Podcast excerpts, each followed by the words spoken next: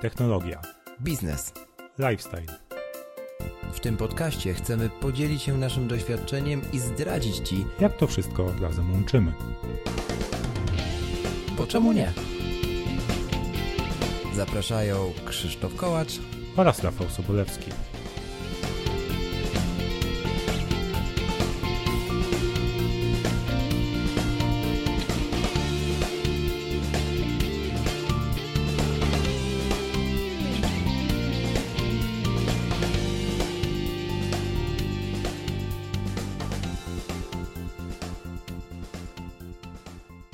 Cześć Krzysiek, co tam u Ciebie słychać? Cześć Rafale, witam się ze śnieżnego Krakowa. Jest naprawdę wielka masakra na drogach, bo spadło trochę śniegu, a chyba się przyzwyczailiśmy do tego, że tego śniegu nie ma w ostatnich latach w zimie, więc nie chcę powiedzieć, że drogowcy są zaskoczeni, ale przede wszystkim chyba mieszkańcy są zaskoczeni, bo korki są monstrualne wręcz. A oprócz tego śniegu w porządku. Nowy rok się rozkręca, pierwsze kroki wybranych celach na pierwsze kwartały roku poczynione, więc jestem z nich dumny. No, coś się zaczyna dziać. Tak, Krzysiek codziennie mi zdaje raporty na iMessage, jak Tak. to mu dobrze idzie. Czasami mu zazdroszczę, bo ja na przykład wczoraj miałem bardzo produktywny dzień, a dzisiaj, mimo że udało wyjść się pobiegać, to jednak nie do końca jestem zadowolony i nawet przed nagraniem nie chciało mi się nagrywać jeszcze 5 minut temu, ale Mhm. już ciśnięcie rekord jednak zmienia to nastawienie i jest jakiś taki power energetyczny, mimo że może nie słychać tego w moim głosie.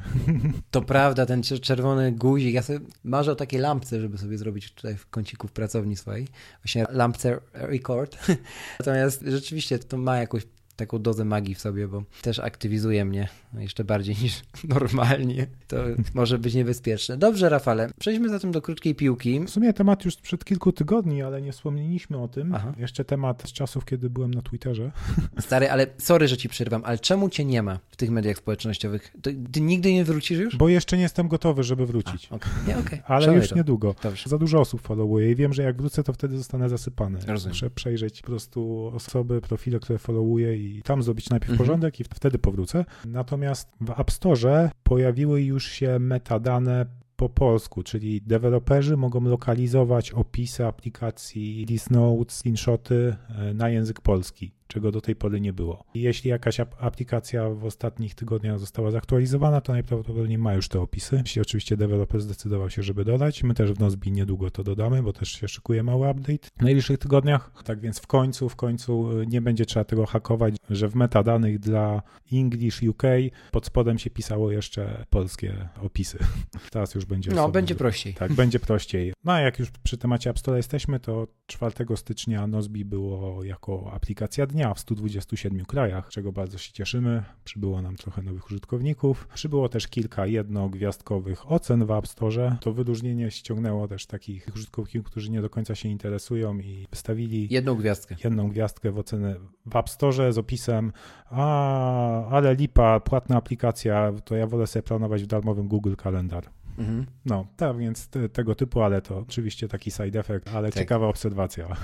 No, a jak tam u ciebie? Zacznę od tego, że przegapiłem jeden temat w poprzednim odcinku. Mhm. Otóż nie powiedziałem o aplikacji, o jednej z aplikacji, która przybyła mi w trakcie przerwy świątecznej. To jest Air Matters, to jest aplikacja do smogu, o której ty mówiłeś wielokrotnie i z której ty korzystasz. I ja rzeczywiście... Znaczy nie, ja właśnie mówiłem wielokrotnie o innej aplikacji. A myślałem, że o tej. Early, a tej Air Metals powiedziałem dopiero, odkryłem ją tuż przed odcinkiem, który nagrywaliśmy z Jankiem Urbanowiczem. A widzisz, ale mówiłeś o niej, bo to dobrze kojarzę, tylko, Tak, w- tak. tylko w innym kontekście.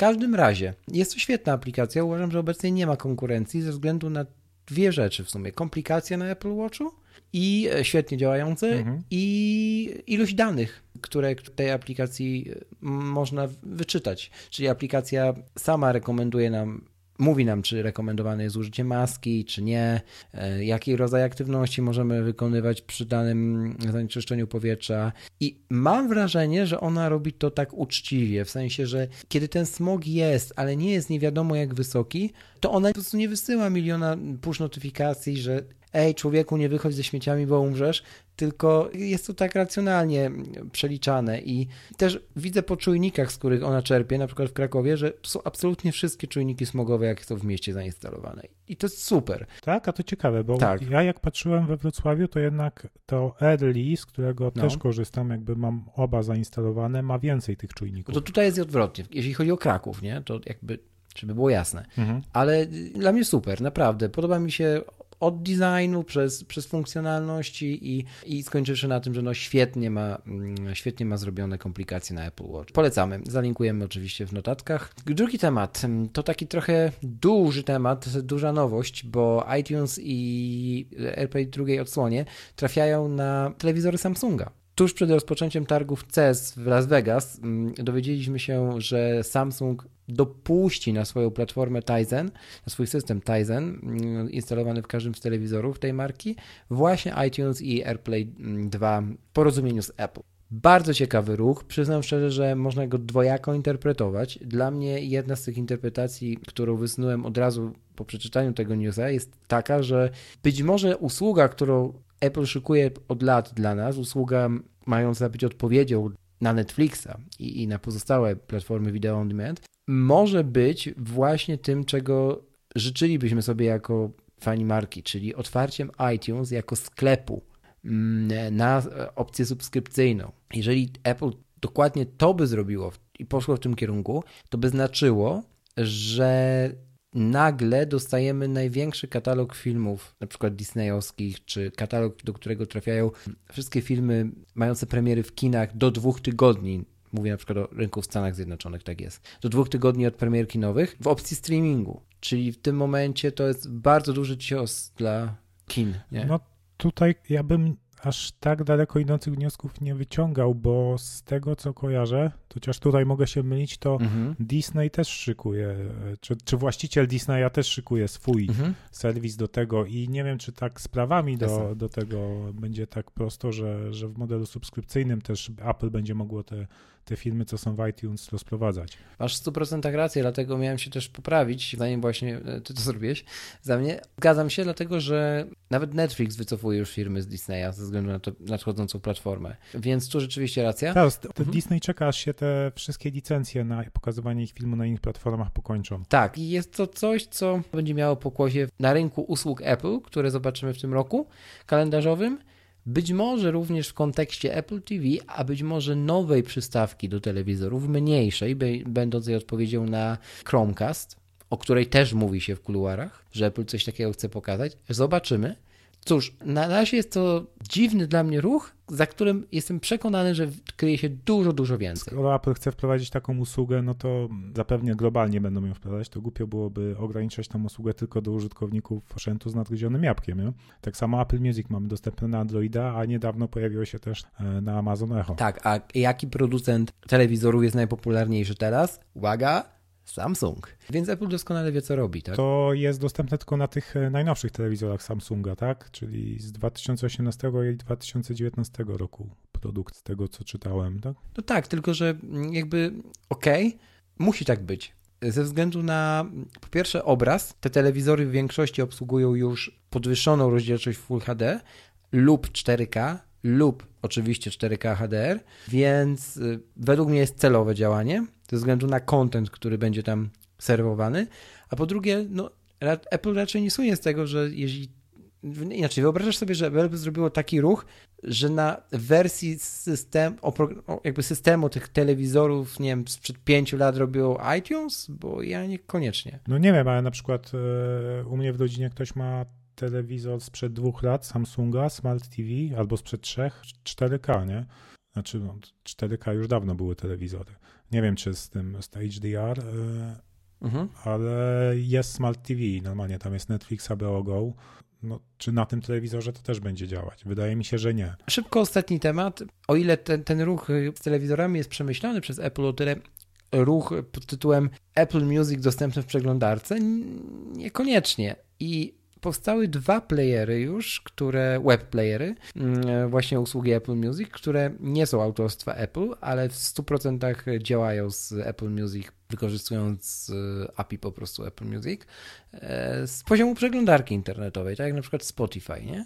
Podobno sprawdzano obydwa te serwisy, te usługi internetowe i są bezpieczne, nie ma tam żadnego wykrywania danych, etc., ale ja na przykład nigdy nie podałbym swoich kredensiali, danych logowania do, do iTunes nieznanej stronie internetowej, która mówi mi, że będzie playerem Apple Music, kiedy Apple samo takiej opcji nie przewiduje w swojej usłudze. Przestrzegam przed tym, drodzy słuchacze, bo nawet jeśli ktoś mówi, że coś jest bezpieczne, tak by to nie mówi osoba z Apple, więc ja bardzo ostrożnie do tego tematu podchodzę i owszem, byłoby dobrze, gdyby Apple Music było dostępne również jako web player, Natomiast dopóki nie zrobi tego Apple, ktokolwiek by to nie zrobił, nie uważam, że korzystanie z tego typu usług jest dobrym pomysłem. Nie wiem, co ty myślisz na ten temat, Rafał? Czy słyszałeś w ogóle? Mhm. Nie, nie słyszałem o tym, ale to co oni... Logujesz się do tego swoim loginem i, i hasłem do, do iClouda? Apple ID. Mhm. Logujesz się, to, to wpisujesz na ich stronie, czy oni przekierowują na, na, na stronę app, Apple i potem jest z powrotem przekierowanie przez jakiś tam se, e, sekretny token? Jasne. Y, prze, przekierowują na stronę Apple. Tu chodzi mi o, o to, że nie ma metki Apple. Nie zrobiło to Apple, nie? I jakby z drugiej strony nie zablokowało tego Apple. Apple nie powiedziało, że e, ktoś tam zrobił player, zbanujmy go. Nie, te, te usługi obydwie działają. Bardzo dziwne dla mnie. Bardzo, bardzo dziwne i, i, i przyznam szczerze, że jak czytałem pierwszy raz te, te informacje, to nie wierzyłem w jej prawdziwość. A jednak okazuje się, że, że tak rzeczywiście jest. No ale to znaczy, że jest publicznie dostępne API do, do Apple Music. Tak. Dokładnie tak. Y, no i w jaki sposób usługa, która się podpina, musi się zautoryzować użytkownika, że on ma, ma, dostęp do tego Apple Music, żeby zaciągać te dane, więc no, dla mnie to jest normalne, tylko py pytanie, dlaczego Apple nigdzie tak oficjalnie nie przyznaje, że, mhm. że, mo że można to robić. Jeżeli macie więcej informacji na ten temat, drodzy słuchacze, to chętnie o nich usłyszymy piszcie w komentarzach, dajcie nam znać. To tyle, jeśli chodzi o krótką piłkę. Taka troszkę rozwlekła się zrobiła, bo i te tematy nie są bardzo precyzyjne. Trochę wróżenie z fusów. E, no ale spokojnie, mamy dopiero styczeń 2019 roku, więc jeszcze wiele miesięcy plotek przed nami. Już pierwsze zrzuty prototypów iPhone'a z trzema kamerami też mamy w internecie. iPhone'a 11. Spokojnie, spokojnie. Poczekajmy, pożyjemy, zobaczymy. A tymczasem iPad, czyli co?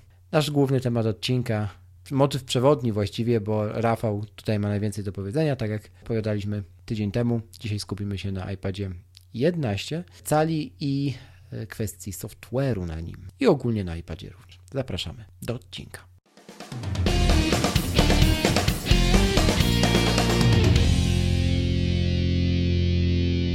Ja zacznę. Otóż znowu rozjechała mi się synchronizacja skrótów tekstowych, czyli ta systemowa funkcja, gdzie my sobie w ustawieniach klawiatury zdefiniować, że na przykład ciąg jakichś znaków rozszerza się do, do całego zdania. I bardzo często z tego korzystam, ale nagle część tych skrótów, które dodawałem kilka tygodni temu, nagle na Macu mi zniknęła, a na iPadzie i na iPhone'ie ciągle działa.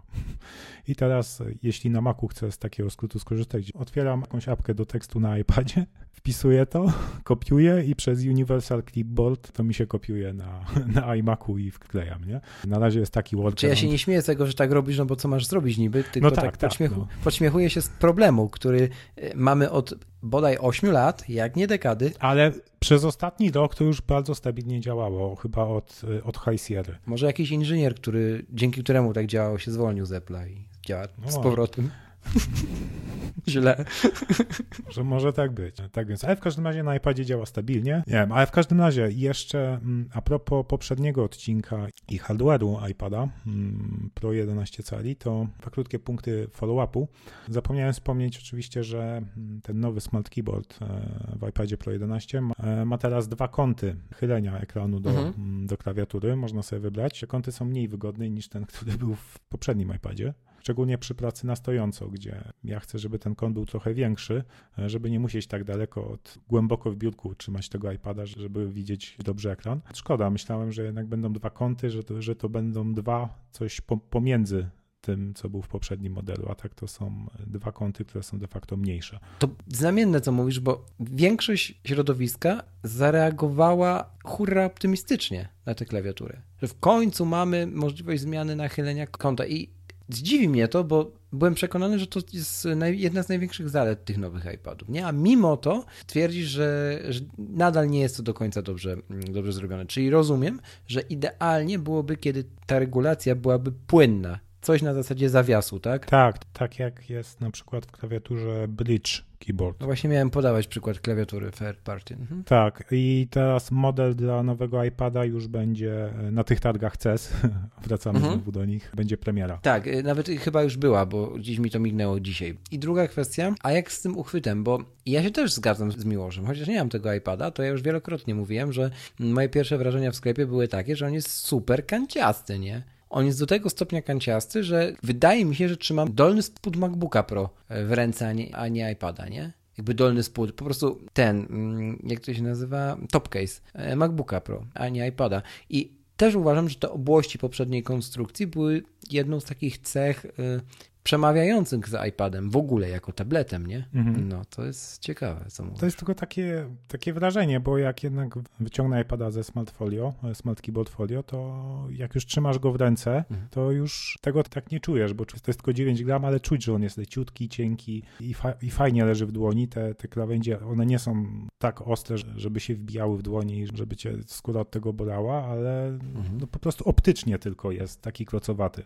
Rozumiem. No dobra, Rafał, to powiedz mi coś o, jeszcze w nawiązaniu do poprzedniego odcinka o kwestii hardware'u, bo tam powiedzieliśmy, że, że jakby no, nowy iPad to, to w ogóle jakaś przepaść, że tam iOS ogranicza go jako urządzenie i tak dalej, i tak dalej. No i trochę więcej jako użytkownik, tak? Czy to naprawdę jest tak potężny sprzęt? Czy sprawdziłeś to w ogóle? Chociażby w połowie, a już nie, jak już nie w połowie, to w ogóle, czy testowałeś na jakichś zaawansowanych aplikacjach ten tablet? I jak to według Ciebie jest? Czy on rzeczywiście tak dla zwykłego użytkownika w pierwszym kontakcie po wyjęciu z pudełka, no może nie w pierwszym kontakcie, ale po pierwszych tygodniach, daje pokaz tej siły, która, która w nim drzemie. Jeśli rzeczywiście skorzystasz z takich aplikacji, to, to pewnie da ci ten pokaz siły. Ja skorzystałem jedynie z apki Ferrite, to jest genialna aplikacja do montowania podcastów. Tak jest. E, pod ten use case zoptymalizowana i poprzedni odcinek już jest właśnie w montażu.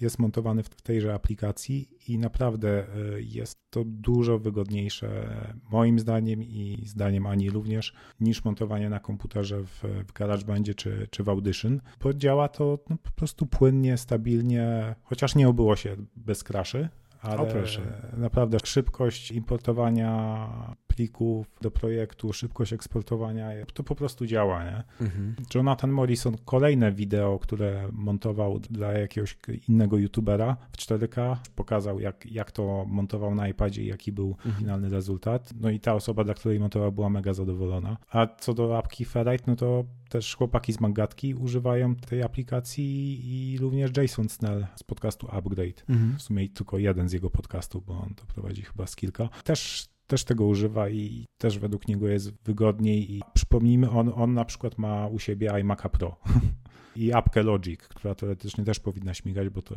bo to apka od Apple, nie? No właśnie. Która jest w ogóle prekursorem tak. składu audio mhm. ever, forever. Tak więc hardware jest potężny, Trochę liznąłem tego, tak, ale to jest, to jest tylko trochę, bo, jednak e, w obróbkę wideo się nie bawię, w taką zaawansowaną obróbkę zdjęć też nie, jakichś skomplikowanych obliczeń też nie wykonuję, więc de facto mocy to by mi starczyło z poprzedniego iPada spokojnie. Zresztą on też e, w tamtym roku, iPad e, z 2017, czyli już dwa lata temu, już wtedy też wyprzedzał swoją mocą możliwości, jakie dawał mu, mu system, nie? I aplikacje na nim. Zgadza się. Wiesz co, ja w czasie tej przerwy świąteczno-noworocznej zrobiłem sobie też tak może nie przegląd apek na, na, na, na urządzeniach, bo to robiłem nie tak dawno, na jesieni, czy tam końcem lata. Natomiast tak przejrzałem, czy, czy nie, nie ma czegoś tam, co leży, a jest już nieużywane od dawna i parę się takich rzeczy znalazło. Parę też było sytuacji, w których brakło mi aplikacji na iPadzie, bo trzeba nadmienić, że przez dwa tygodnie urlopu w domu rodzinnym i nie tylko miałem tylko iPada, więc byłem iPad only. Tak w większości wyjazdów mam, więc nie miałem dostępu do macOSa i na przykład musiałem sobie znaleźć edytor HTML, który dość dobrze będzie działał porównywalnie do do takiego tworu jak chociażby Text Wrangler czy BB Edity na macOSie i znalazłem najprostszy edytor w App Store, nazywa się HTML Editor, który nie jest może, nie grzeszy może mhm. wyglądem ani, ani user experience, ale robi to, co ma robić i, i robi to dobrze, pozwala na edycję kodu i jest darmowy. Nie chciałem inwestować w najlepszy edytor do różnych języków na, na iOS-a, czyli w kodę.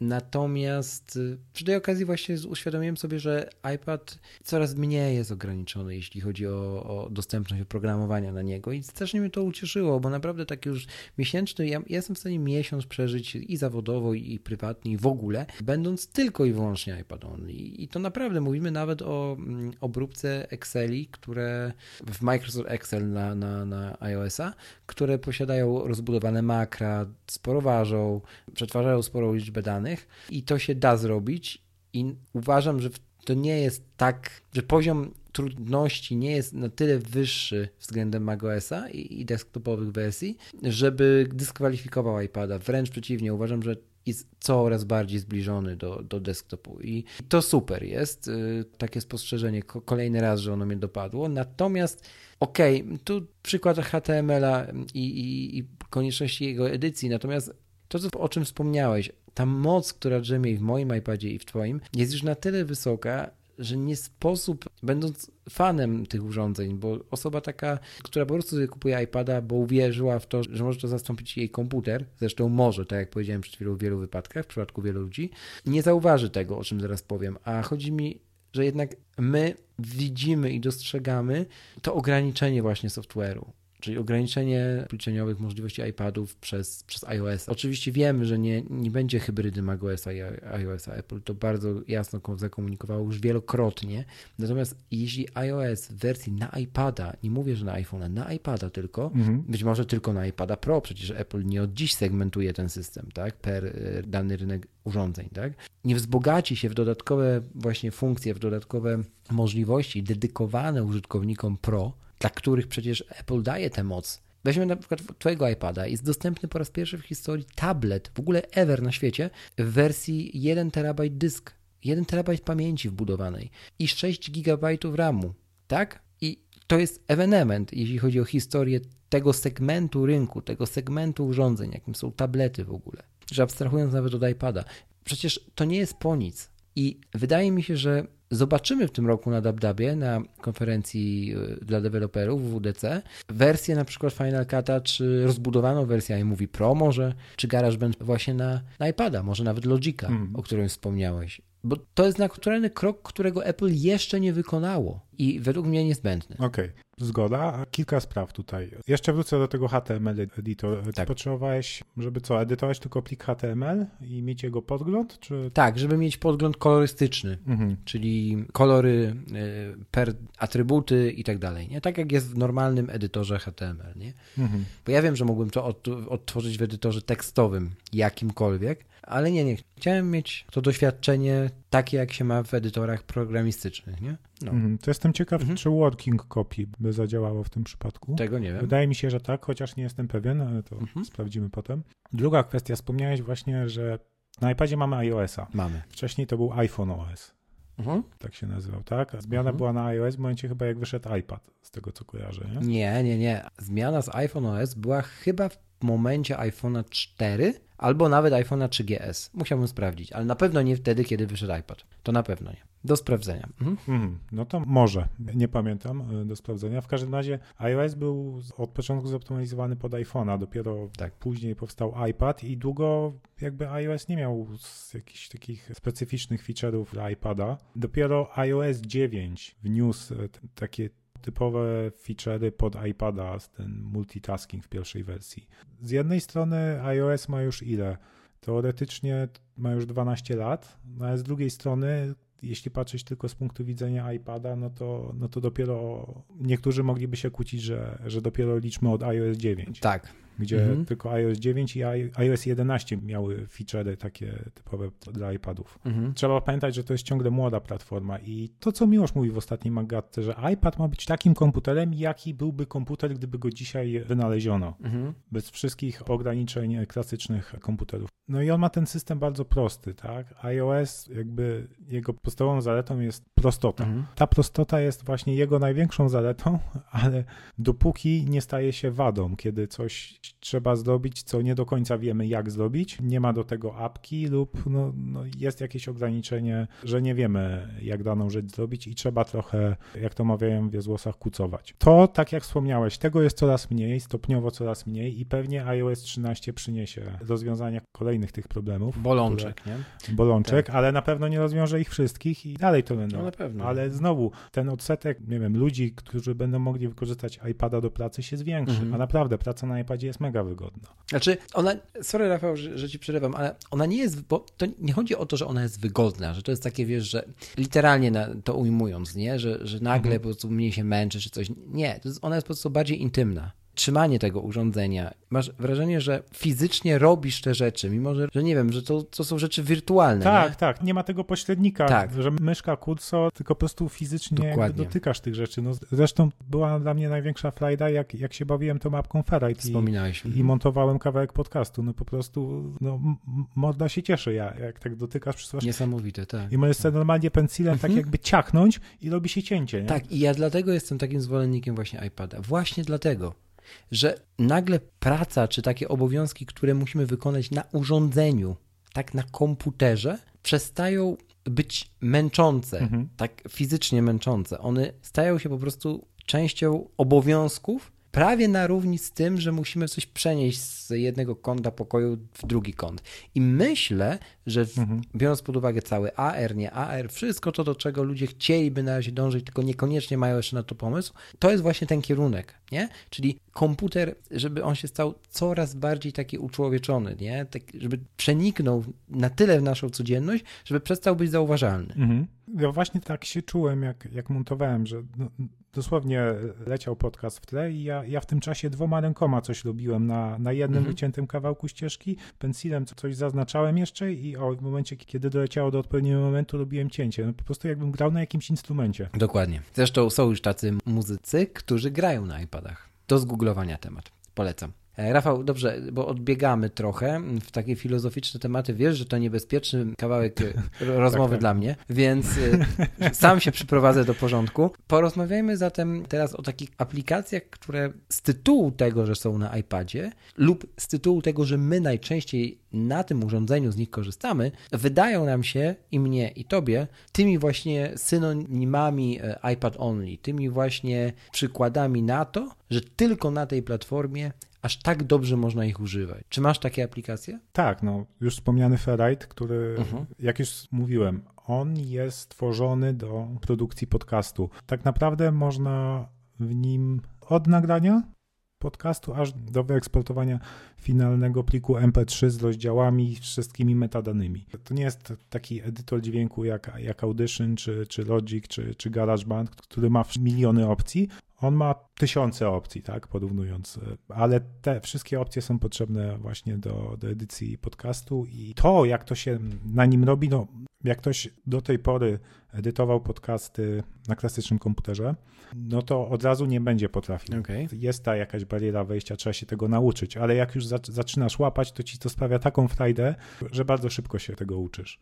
To jest bardzo ciekawa informacja o tej barierze wejścia. Miałem cię o to właśnie zapytać. Myślę, że słuchacze też są ciekawi, czyli jednak istnieje e, jakaś bariera wejścia, tak jak powiedziałeś. Tak, ale wydaje mi się, że Że jest na tyle niska, że tak, ale to jest ta bariera wejścia istnieje przede wszystkim dla, myślę, dla tych, którzy są przyzwyczajeni do klasycznych komputerów. Bo to, to jest właśnie, nie zastąpisz sobie swojego MacBooka czy, czy laptopa PC iPadem, realizując zadania na iPadzie, które realizowałeś na klasycznym komputerze, jeden do jeden, w ten sam sposób. Na iPadzie to wymaga głębszego zastanowienia, jak wygląda cały flow realizowania danego zadania i, i przemyślenia tego od nowa, bo często to zadanie daje się zrobić e, dużo prościej na iPadzie, tu zgoda. a czasami niestety nie daje się, albo trzeba, trzeba kombinować jeszcze, o czym wspominaliśmy. Dobra, ale wróćmy do tematu, bo pytałeś o te aplikacje. No to oczywiście Ferrite. Ferrite jestem wielkim fanem. Druga apka, no to Luma Fusion to też już Aha. E, o niej gadaliśmy. No my sami nie produkujemy wideo, więc tylko możemy opierać się na opiniach innych. Tutaj osoby, którym ufamy też, też bardzo chwalą tą apkę. Zresztą wspomniany Jonathan Mollison właśnie w niej edytował mhm. te wideo i naprawdę wygoda i szybkość, z jaką to zrobił, w żadnym wypadku nie odbiegała od silnego, dobrze wyposażonego Maca. Mamy też Lightrooma w wersji mobilnej, który też podobno bardzo fajne efekty daje w obróbce zdjęć. Są narzędzia od Affinity, które wiem, że ty używasz. Tak, i Affinity Affinity Photo i Affinity Designer. Używam, polecam i są naprawdę super. To są świetnie napisane aplikacje, stricte pod, pod tę platformę. Ja mam teraz tak, Pixelmatora, Affinity Photo, Affinity Designer. Nie? Najczęściej i tak korzystam z Pixelmatora, który jest najprostszą apką z nich wszystkich, nie? Mhm. a mimo tego jest taką aplikacją rdzenną ja to nazywam rdzenną aplikacją o, na urządzeniach Apple, nie? bardzo prostą, zbudowaną na zasadzie bloków, tudzież kontenerów i mi się to podoba i używam się tego najprościej, natomiast Affinity Photo już nawiązuje swoim e, UI-em do, do Photoshopa, a kiedy wejdzie Photoshop na iPada, to z tego co wiemy z demo czy z pierwszych screenshotów, on będzie wyglądał prawie tak samo jak na, na wersji desktopowej i ja nie wiem, czy do końca jest to dobry kierunek, jeśli chodzi o iPady, nie? Tak jak mówię, ten experience używania aplikacji, które zawsze kojarzyły się właśnie z platformami Apple, czyli uproszczony, oparty na właśnie kontenerem, kontenerowym takim UI-u, etc., dla mnie jest tym, za to cenię Apple i, i, i dlaczego chcę korzystać z tych urządzeń. Dla mnie to jest prostsze, ale dla kogoś może nie być. Więc ja się też nie dziwię, że Adobe e, idzie w kierunku tego, żeby pokazać wierną kopię dla tej platformy, no bo też liczy się z tym, że designerzy aktualnie korzystający z Photoshopa będą wtedy mieli łatwiej, żeby przejść na iPady, nie? Mhm. To też jest ogromny deal z Apple, nie? To my się nie oszukujmy, to się nie wydarzyło przypadkiem. My nie wiemy, ile za tym pieniędzy stoi, ale na pewno nie mało. Więc mhm. no. No. Wiesz, tu ciekawe jest też w kontekście tego, że oni przepisali tego Photoshopa od nowa, mhm. podobno z myślą o, o iPadach, no, o tą platformę. Pytanie, ile z tego też wykorzystają, jeśli rzeczywiście Maki same przejdą na, na ARMy, bo to ta sama architektura, więc tak. być może ma to coś tutaj do rzeczy. No a to, o czym wspomniałeś, że to jest przekopiowane jakby je, prawie jeden do jeden, no z jednej strony tak, iPad to jest prostota, ale no, takie narzędzia profesjonalne już no, wymagają dużej liczby funkcji i ciężko już tyle narzędzi, ile jest w Photoshopie, upchać w taki, w taki prosty interfejs, nie? A najważniejsze jest to, że jednak on jest przepisany, i, mhm. a sam interfejs potem może ewoluować już, nie? Oczywiście, że tak. Masz rację. No. Dlatego zobaczymy. Zobaczymy, jakie będzie przyjęcie i adaptacja tego konkretnie na rynku designerów, nie? To akurat będzie łatwo zmierzyć. No, ale jest to swego rodzaju mm, kamień tak, milowy, nie? Tak, Bo tak. jednak Photoshop to jest zawsze taka apka pierwsza dla, dla użytku pro, nie? Tak, to jest taka aplikacja pierwsza do użytku pro, taki papierek lakmusowy, że dana platforma dojrzała i że można ją traktować poważnie, coś w tym stylu, nie? Mhm. Jakie są te moje aplikacje, które kojarzę tak, nie?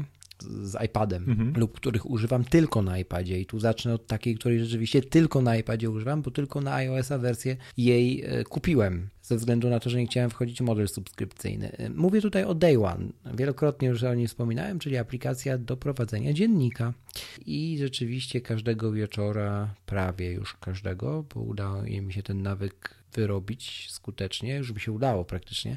Siadam z iPadem, żeby zapisać sobie myśli z danego dnia, czy tam wypisać się, jak ja to nazywam, nie? Mhm. I na iPhone'ie nie lubię tego robić. Nie lubię tego robić, bo iPhone ta forma pisania, y, na przykład pamiętnika na iPhone'ie już mm, zdziera formę pisania, inaczej zdziera czynność pisania pamiętnika. Nie wiem, jak to inaczej ująć. Jakby to, że mam na kolanach iPada, czyli większy ekran, możliwość um, zrobienia tego prawie jak na laptopie, ale właśnie intymniej, jest dla mnie właśnie te, tą formą, którą preferuję. Może inaczej, jak w Notesie, nie? Mhm. I Ale piszesz na klawiaturze fizycznej, tak? tak, tak, tak. Oczywiście, na, na Smart Keyboard.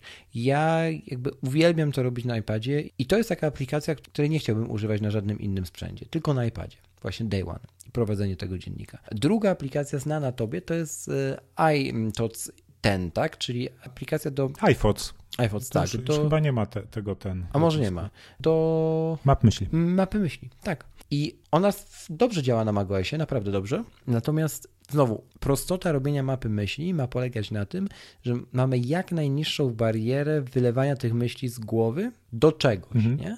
Czy to do, za pomocą sketchnotingu, pozdrawiamy Paulinę, czy y, za pomocą aplikacji, która ma być maksymalnie prosta, maksymalnie szybko pozwalać tworzyć te kolejne gałęzie drzewa, właśnie mapy myśli, nie? I dokładnie to robi ta aplikacja. Dla mnie jest ona bezkonkurencyjna, zresztą wiesz, że z niej korzystam, ty nawet z niej korzystasz, nawet jak się Mhm. spotykamy kilka razy w roku na retrospektywy naszego podcastu, naszego zespołu podcastowego, to też robimy to właśnie na, za, za pomocą tej aplikacji. I zwróć uwagę, że od zera, czyli od momentu, kiedy nie, ma, nie istnieje żadna mapa myśli, do momentu, kiedy to drzewo już ma tam kilka gałęzi i kilkadziesiąt zagnieżdżeń, mija raptem kilkadziesiąt minut, nie? Może kilka minut nawet minut, nie? To pokazuje, że ona jest dobrze napisana i ona jest właśnie taką kolejnym przykładem rdzennej aplikacji. Super. Tak, i oprócz Mhm. tego, że na początku, jak tworzysz mapę myśli, wygląda bardzo prosto, to pod spodem ma dużo ciekawych e, funkcji. Oj ma. Czyli ma tę warstwę dla użytkowników pro, ok, jesteś geekiem, Mhm. możesz się w to zagłębić, ale nie jesteś geekiem, ok, w takim razie my dajemy Ci narzędzie maksymalnie proste, które ma robić to, to i to. I takie podejście do developmentu ja na przykład mega szanuję. Tak. Jeśli mówimy o dużych Szanujemy ten styl. Tak. Zapomniałem jeszcze wspomnieć, bo to było jakby, mówimy teraz o moim top 3, więc do tego top 3 dołożę jeszcze Instapaper, Mhm. do którego wróciłem, jak mówiłem, po, po okresie focha i moje obrazy na twórców. I uważam, że Instapaper na iPada jest absolutnie aplikacją stworzoną na iPada i znowu użytkowanie tej aplikacji, to jak ona działa, to jak wspiera inwersję kolorów, czy ten tryb nocny, czy, czy tryby pośrednie, czy zgodnie z, ze wschodem, zachodem słońca i tak dalej, i tak dalej. Cała możliwość personalizacji, ale też to, co dostajemy zaraz po uruchomieniu, czyli prostota znowu, lista artykułów, wchodzimy w artykuł, mamy taką czcionkę, taki font, jaki sobie wybierzemy, taką interlinię, jaką sobie tam raz w życiu skonfigurujemy na początku, przy, po pierwszym uruchomieniu i to po prostu działa. Synchronizuje się na każdym urządzeniu, na iPadzie czyta się bardzo wygodnie. Nawet można ustawić w taki sposób, że jasność ekranu w Instapaper jest na takim, a nie innym poziomie, a po wyjściu z Instapaper wraca do poziomu ustawionego w Control Center na iOSie. Nie? Więc jakby Mhm. świetnie napisany program, świetny kawałek kodu, gdzie twórcy naprawdę dbają o to, żeby on robił to, co ma robić, czyli umożliwiał łatwe, proste i przyjemne czytanie. I nic poza tym, nawet jeśli są dodawane jakieś dodatkowe funkcje, to one znowu są dodawane w momencie, kiedy wnoszą coś do tego głównego założenia, o którym powiedziałem, czyli do prostego i łatwego czytania treści na, na urządzeniach mobilnych, na iPadach, nie? Czy, czy iPhone'ach. I to jest właśnie kolejny z tych przykładów, więc moje top 3. Oprócz tego mega lubię korzystać na iPadzie z notatek systemowych, zwłaszcza kiedy można wstawiać w te notatki fragmenty rysowane Apple Pencilem, czy nawet robić je z poziomu zablokowanego jeszcze ekranu i tak dalej, i tak dalej. Bardzo często z tego korzystam. Miałem przygodę z aplikacjami dedykowanymi do robienia notatek za pomocą Apple Pencila, czyli pismem odręcznym, na przykład Linea Sketch czy, czy, Mhm. czy inne. I, I nie przekonałem się do tego. Systemowe rozwiązania wygrywają, bo są systemowe, bo są dostępne od razu i na przykład ja z aplikacji systemowej notatki korzystam często, bo jest to podstawowy bank moich notatek. Skąd zrezygnowałem z Evernote, to już było kilka lat temu, więc jakby dla mnie to jest naturalne, że, że sięgam po notatki właśnie tam. I ostatnia aplikacja to jest y, książki, czyli Books. Dawny iBook y, na iOSie. Znowu, w iOS 12 Books przeszły totalny redesign, na lepsze moim zdaniem. Trochę powrót do korzeni, czyli do tak zwanej drewnianej półki, y, z której na przykład słynął pierwszy iPad, nie? Mhm. i ta wersja iBooks na niego. Trochę oczywiście uwspółcześniona ta półka została, natomiast znowu dostaliśmy nowy wygląd grzbietów książek, gdzie jeszcze bardziej przypominają te książki wirtualne, fizyczny obiekt, trochę zmieniona paginacja, trochę zmienione przejścia. Świetny update, jeśli chodzi o to, co, co zrobiło Apple. Mam wrażenie, że przepisana od zera ta, ta aplikacja została. Bardzo dużo natywnych komponentów użytych, bardzo ciekawy sposób I to wszystko znowu ułatwiające, a nie, nie stanowiące sztukę dla sztuki, czyli zróbmy redesign, bo wypada, Mhm. tylko coś, co miało konkretne założenia i, i te założenia były naprawdę... Powiedz, Mhm. takie funkcje typowe do, do robienia na przykład notatek e, podczas czytania książki albo do e, zaznaczenia fragmentu tekstu i łatwego Mhm. wysłania go gdzie indziej z linkiem powrotnym do książki, Tak, jak najbardziej. Mhm. jak najbardziej. No właśnie ostatnio miałem okazję czytać książki we, przez Books. Books, Books naprawdę się rozrosło i ilość tych pozycji, nawet na polskiej wersji, nie? Znaczy polskojęzycznych chciałem powiedzieć, rośnie cały czas, nie? Mhm. Więc bardzo dobrze. Bardzo, bardzo dobrze i ja bym sobie życzył, żeby Books było kiedyś taką platformą, gdzie podobnie jak Kindle mogę dobyć, mogę kupić legalnie, ale mogę też trzymać wszystkie swoje książki, Mhm. e-książki. Już to mogę robić, bo oczywiście możemy przeciągać pliki EPUB na okno Books i, i one się synchronizują oczywiście i są trzymane w iCloudzie. E, Natomiast wiesz, żebym to mógł kupić, nie, nie, nie, niekoniecznie z, wiesz, z jakiegoś innego źródła tam przeciągać, tylko żebym mógł właśnie też dać Apple zarobić w ten sposób, tak, e, kupić w ich sklepie książkę po prostu legalnie i sobie ją tam trzymać. No Zobaczymy, jak to się kiedyś tam jeszcze rozwinie. Na razie jest bardzo, bardzo dobrze. I to tyle, jeśli chodzi o takie moje rdzenne aplikacje na, na iPadzie, bez których sobie życia nie wyobrażam na tej platformie. No a powiedz coś właśnie o Twoich. Już trochę powiedziałeś, powiedziałeś o tym Ferrite najnowszym odkryciu, powiedziałeś o, o kilku innych. Natomiast wiem, że nie za dużo masz w ogóle aplikacji na, na iPadzie, nie? Raczej tam króluje minimalizm u Ciebie. Zadam Ci inne pytanie. Nie jesteś osobą całkowicie iPad only, ale uwielbiasz to urządzenie, więc do czego jest Ci w życiu potrzebny iPad? Tak naprawdę, nie? Odsuwając pracę, którą masz, odsuwając wszystkie inne filozofie, jaki jest powód? Wiesz co, no, ciężko by odsunąć pracę, no bo jest mi potrzebna Aha, do pracy. Mhm. To nie znaczy, że nie posiadając takiej pracy, jaką mam, to pewnie też bym miał iPada, Mhm. może bym go mniej używał. Tak jak patrzę na, na tą twoją listę top 5 aplikacji, to, to na pierwszy rzut oka to nie są aplikacje Pro, Mhm. ale tylko na pierwszy rzut oka, bo jak się zastanowić, no to iPhones e, jak najbardziej. No to jest jedyna aplikacja, która akurat na ten pierwszy rzut oka może być Pro. Wspomnieliśmy, że jest bardzo proste do mapy myśli, ale pod spodem ma tą warstwę, gdzie można sobie pod te elementy na swojej mapie myśli różne funkcje podpiąć, e, które mają już zastosowania typowo biznesowe. Notatki, no w końcu notatki to jest podstawa w pracy kreatywnej. No i tak samo Books, Instapaper, to, to niekoniecznie nie są artykuły czy książki, które czytamy dla rozrywki, ale też książki, które czytamy dla swojego rozwoju, czy jakieś branżowe, prawda? Tak. Dzięki Instapaper możesz sobie pogrupować te artykuły tematycznie i je wygodnie czytać, konsumować i robić z nich właśnie też notatki, udostępniać właśnie do, do swoich notes i tak samo z książek, nie? Tak więc to są teoretycznie proste aplikacje, ale jak najbardziej mają zastosowanie w pracy. Dzięki nim zarabiasz pieniądze, więc według mnie też to jest zastosowanie pro, bo ja tak to Mhm. rozumiem, tak? Jeśli Mhm. coś pozwala ci zarabiać pieniądze legalnie, to to jest, to jest zastosowanie pro. Disclaimer. Nie, jasne, jasne. Bardzo mi się podoba ten, e, ten sposób oceny. No, a spytałeś, do, do czego bym wykorzystywał iPada, gdybym nie, nie miał takiej pracy, jak, e, jak mam, to przede wszystkim jako podstawowy mobilny komputer. Poza pracą to jak najbardziej wszystkie takie zastosowania jak, jak rozrywka, pisanie maili, przeglądanie internetu, konsumowanie treści, czy komunikacja ze znajomymi, z rodziną, e, oglądanie zdjęć, edycja tych zdjęć, dzielenie się nimi, no to do tego iPad jest idealny po prostu. Mhm. Mhm. Ale wtedy pewnie nie miałbym iPada Pro, tylko. Znaczy pewnie bym miał, bo jestem geekiem, ale, ale do tego w zupełności wystarczy podstawowy iPad, o którym wspominaliśmy już w zeszłym odcinku, że tak naprawdę dla większości lu- ludzi do takiego domowego zastosowania on wystarczy. Mhm. No ja już zresztą Dokładnie. 2000. Tak, od 2012 używam iPada i wtedy, kiedy kupiłem pierwszego iPada, to był iPad trzeciej generacji z Retiną, no to nie miałem żad- żadnego laptopa. To był mój po prostu mobilny komputer. Nie? No proszę.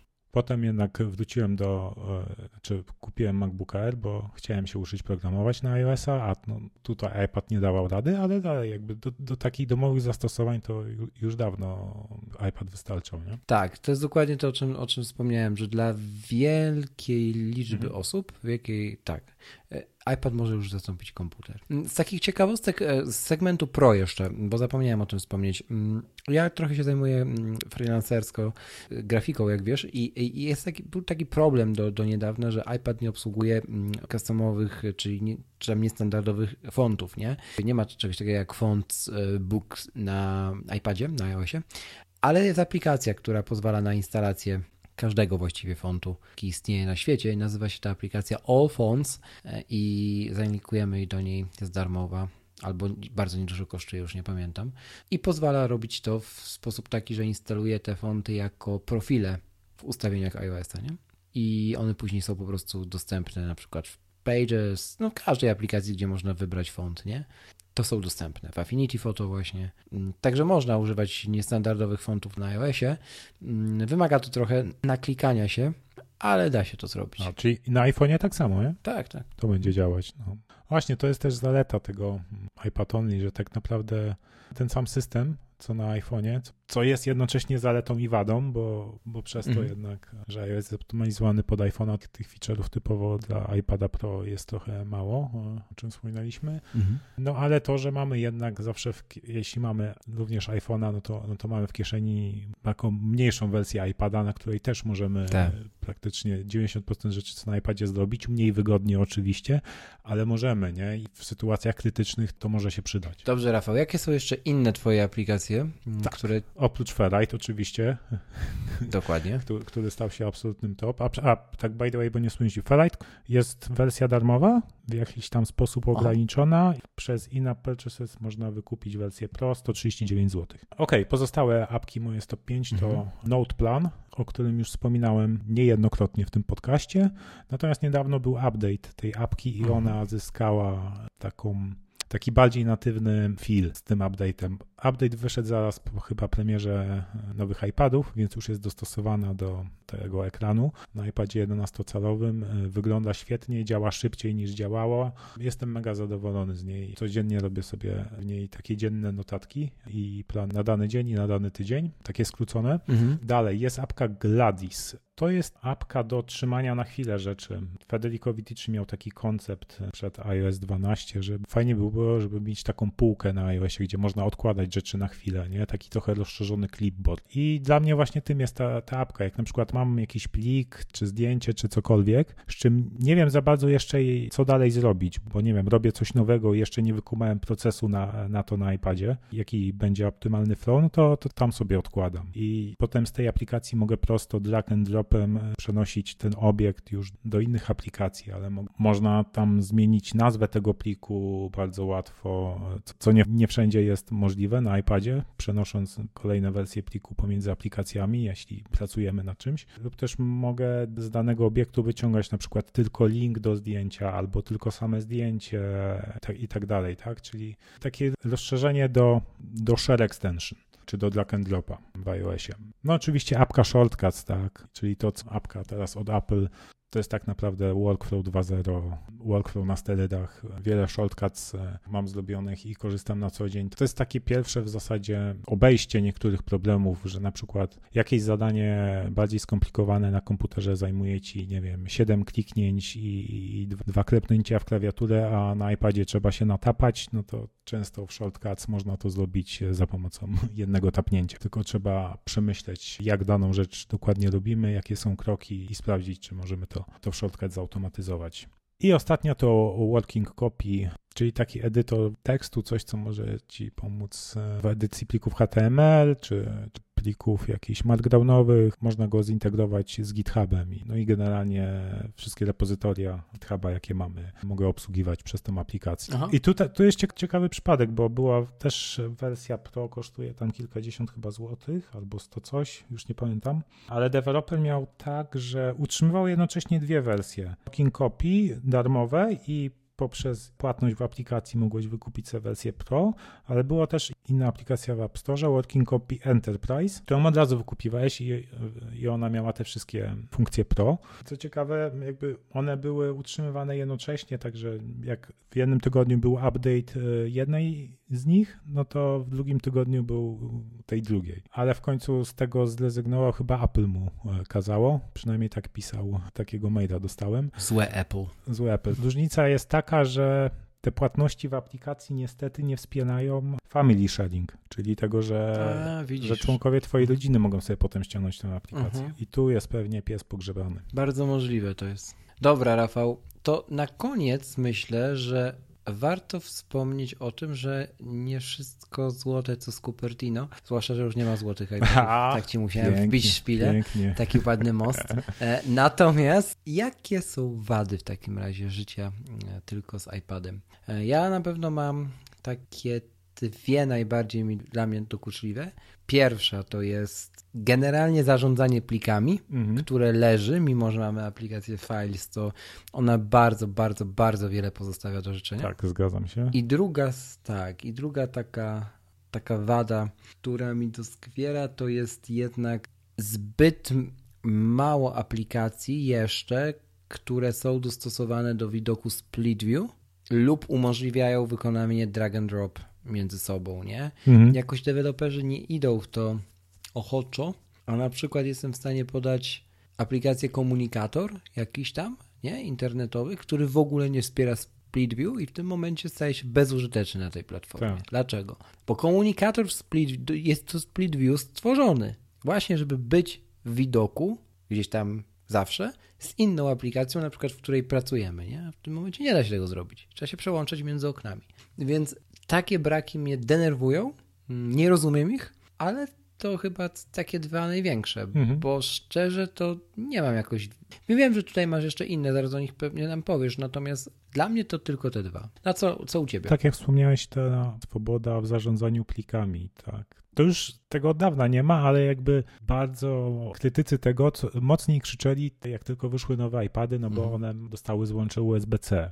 A tak naprawdę jakby samo fizyczne złącze USB-C bez żadnych zmian w systemie niewiele wnosi, bo wniosło tylko tyle w porównaniu do Lightninga, że ma większą przepustowość i daje zasilanie, czyli niektóre akcesoria, które wcześniej nie dało się podpiąć, bo nie potrafiły pociągnąć sobie przez Lightning takiego prądu, żeby je zasilić, tak teraz możesz podpiąć i działają. To tylko tyle wniosło USB-C. A dopiero pewnie iOS 13 wniesie więcej i mam nadzieję, że przede wszystkim usprawni ten przepływ plików i możliwość podłączenia na przykład zewnętrznego dysku. I nie tylko import zdjęć z niego, bo teraz jest tak, że jak podepniesz dysk, jakiś albo kartę pamięci do iPada, no to tylko zdjęcia możesz na iPada zaimportować. Co jest bez sensu, nawet biorąc pod uwagę to, że mamy przecież files do plików. Tak, i to też możesz je zaimportować tylko do Fotos, czyli jak na przykład jesteś fotografem zawodowym, robisz, robisz zdjęcia lustrzanką i masz zdjęcia gdzieś w terenie, chcesz szybko zgrać, przejrzeć, zrobić jakąś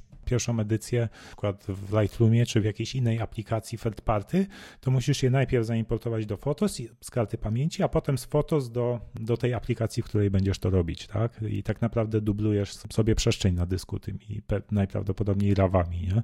które mało w końcu nie zajmują. Jakby nie powiedzieć, pełna zgoda. Rafał, i myślę, że tym takim pełnym nadziei akcentem kiedyś będzie lepiej z tymi plikami i ta platforma stanie się bardziej pro, a przynajmniej dostanie możliwość bycia pro, jeśli ktoś sobie tego będzie życzył, czy tutaj tacy wariaci jak my. Zakończymy ten odcinek. Pogadaliśmy trochę chyba o filozofii też, nie? Mhm. W ogóle tabletu w 2019 roku. No, wygląda to dosyć obiecująco i powiem Ci szczerze, że gdyby nie to, co Apple zrobiło z iPadem, a to było takie trochę ratowanie produktu, bo iPad już miał taki, taki okres, że po pierwsze nie sprzedawał, bardzo się Mhm. źle sprzedawał, po drugie Bardzo. Apple nie miało żadnego pomysłu na ten sprzęt. Rynek też za bardzo nie miał, co widzimy obecnie, bo jak mam być cztery, to Apple naprawdę ma większość tego rynku zagarniętą, bo pozostali producenci w sporej części zawinęli biznes tabletowy, nie? I dobrze, że Apple jednak zdecydowało się na reanimację tego produktu i zrobiło to w taki, a nie inny sposób, bo dzięki temu jestem przekonany, że on właśnie przetrwał i ja się cieszę, że przetrwał. Nie chciałbym, żeby, żeby tablety zniknęły Mhm. w ogóle z rynku. No nie, no już, już z powrotem wrócił na dobre tory, są wzrosty sprzedaży, coraz więcej ludzi naprawdę używa te, tego do pracy. Widzi się to na A w mieście. domowych zastosowaniach, no te też, bo mówiłeś, że, że wyniki sprzedaży były słabe, ale tak naprawdę jakby spojrzeć na bezwzględną liczbę, to Mhm. porównując do właśnie reszty rynku, czy, czy nawet rynku komputerów przenośnych, no to, to one były ciągle dobre, nie? Tyle tylko, że po prostu spadały rok do roku. A w przypadku Apple'a wiem, wiemy, że liczby mają kluczowe znaczenie, nawet promile. Okej, Ale to na Widzę, inny że tu już chcę zmierzać do końca, ale ja, ja nie mogę się powstrzymać. Muszę jeszcze dodać kilka życzeń do iOS 13, bo w czerwcu na WDC będzie pewnie iOS 13. No, USB-C zwiastuje, że muszą coś zrobić z tą obsługą plików. Na pewno nie rozwiążą wszystkich problemów, e, wszystkich bolączek, jakie ma iPad dzisiaj, ale ja bym, Na pewno, nie ma co ja liczyć. bym bardzo sobie życzył, żeby poprawili obsługę APEK w multitaskingu i powiązali też e, z tym skróty klawiszowe. Nie wiem jak, jak u ciebie, ale mnie często wkurza, że jak sobie otworzę apkę w slide over e, i potem ją schowam, to gdzieś tam potem jak do niej wracam, to ona się od, zamiast otworzyć na pełen ekran, to otwiera w slide over. Tak, zgadzam się. To jest Mhm. stra- strasznie irytujące, no i też ten brak skrótów klawiszowych, znaczy jest już dużo skrótów klawiszowych i wiele apek naprawdę Wspiera. E, robi pożytek z tych skrótów i to wpływa też i na szybkość pracy i na ergonomię, bo im mniej musimy podnosić rękę, żeby tapać ekran, no to mm, tym lepiej dla naszych nadgarstków. No i dwie ostatnie rzeczy to jest możliwości działania w tle aplikacji, tak, czyli jak na przykład e, zacznę, nie wiem, import z FTP do, do Ferrite'a pliku, to ja bym chciał móc wyłączyć Ferrite'a, żeby on w tle sobie to dokończył i w tym czasie zrobić coś, coś innego, a nie muszę trzymać apkę włączoną, żeby to się nie wykrzeczyło. No i ostatnia rzecz to lepsze wsparcie dla interfejsu audio, czyli żebyśmy mogli jednocześnie nagrywać i prowadzić rozmowę przez Skype'a z poziomu iPada, no bo poprzedni odcinek ja nagrywałem na iPadzie, ale obeszliśmy to tak, że połączyłem się z tobą przez Zooma z poziomu iPhone'a. A to jest jednak obejście. Nie? Tak, tak, to jest obejście, no bo jednak ten backup, który ty potem nagrywasz po swojej stronie, no to mój głos nie szedł z mikrofonu, tylko z mikrofonu w słuchawkach, nie? No, to, to tyle, No bo... dobrze, no ja życzeń do iOS 13 nie mam większych niż ty. Są zbieżne. Zobaczymy, czym nas Apple zaskoczy. Ja naprawdę mocno wierzę w te aplikacje Pro dedykowane iOS-owi. Dla mnie prawie jest to pewne. Zobaczymy. Do czerwca jeszcze pół roku, więc czekamy. No tak, znaczy Apple nie ma swoich, e, tych swoich wersji Final Cut'a, Logica, Mhm. wersji na iPada, ale znamiennym jest właśnie to, że współpracowali z Adobe, żeby Adobe zdobiła Photoshopa, więc Tak. Dokładnie. myślę, że pojawienie się Photoshopa jest większym dobrem ni- niż byłby Logic czy, czy Final Cut Pro na iPada. Zwłaszcza, że mamy pensile. Dobrze. Rafale, dziękuję Ci bardzo za tę rozmowę, trochę filozoficzną jednak, mimo wszystko, dotyczącą rynku tabletów. I cóż mogę powiedzieć? To nie, nieźle nam wyszło. Filozoficznie wymieniliśmy tyle aplikacji. To nie. Będzie dużo do linkowania w notatkach. Dobrze, dzięki jeszcze raz. E, Dzięki Wam, że wytrwaliście do końca. Oczywiście tym z Was, którzy to zrobili. Czekamy na nowe opinie w iTunes, czekamy na komentarze. Przypominamy, że dalej na s- naszym www możecie komentować i jakby jest to miejsce dla Was, też żeby uzyskać odpowiedź, uzyskać feedback z naszej strony. Część z Was, i to całkiem spora, pisze maile do nas na kontakt małpawo.czemu.pl Super i bardzo za to dziękujemy. Staramy się odpisywać na każdy z tych maili. Natomiast komentarze również są tym miejscem, gdzie możecie nas o coś zapytać lub podzielić się waszymi spostrzeżeniami dotyczącymi bezpośrednio tematów poruszanych w odcinkach e, i też do tego zachęcamy. Oprócz tego wpadajcie na nasze media społecznościowe, na Instagrama, który dzielnie prowadzi Rafał, na Twittera i No Facebooka. właśnie, muszę się tam zalogować. Dokładnie tak. To, był te, to chciałem ci tylko uświadomić tę rzecz. No, dzięki, dzięki. Delikatnie zasugerowałeś, rozumiem, tak. Już jutro się zaloguję. Mhm. Tymczasem dziękujemy za 49, prawie jubileuszowy, to już niebawem, odcinek y, podcastu. Po czemu nie? Z tej strony żegna się z Krakowa Śnieżnego, Krzych Kołacz i z Wrocławia. Deszczowego Rafał Sobolewski.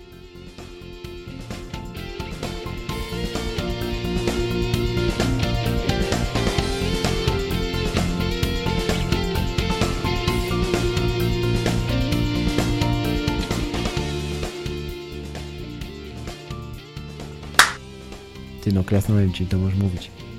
A, e,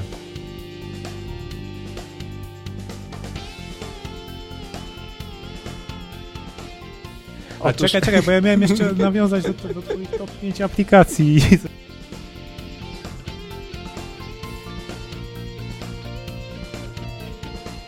Dana platforma,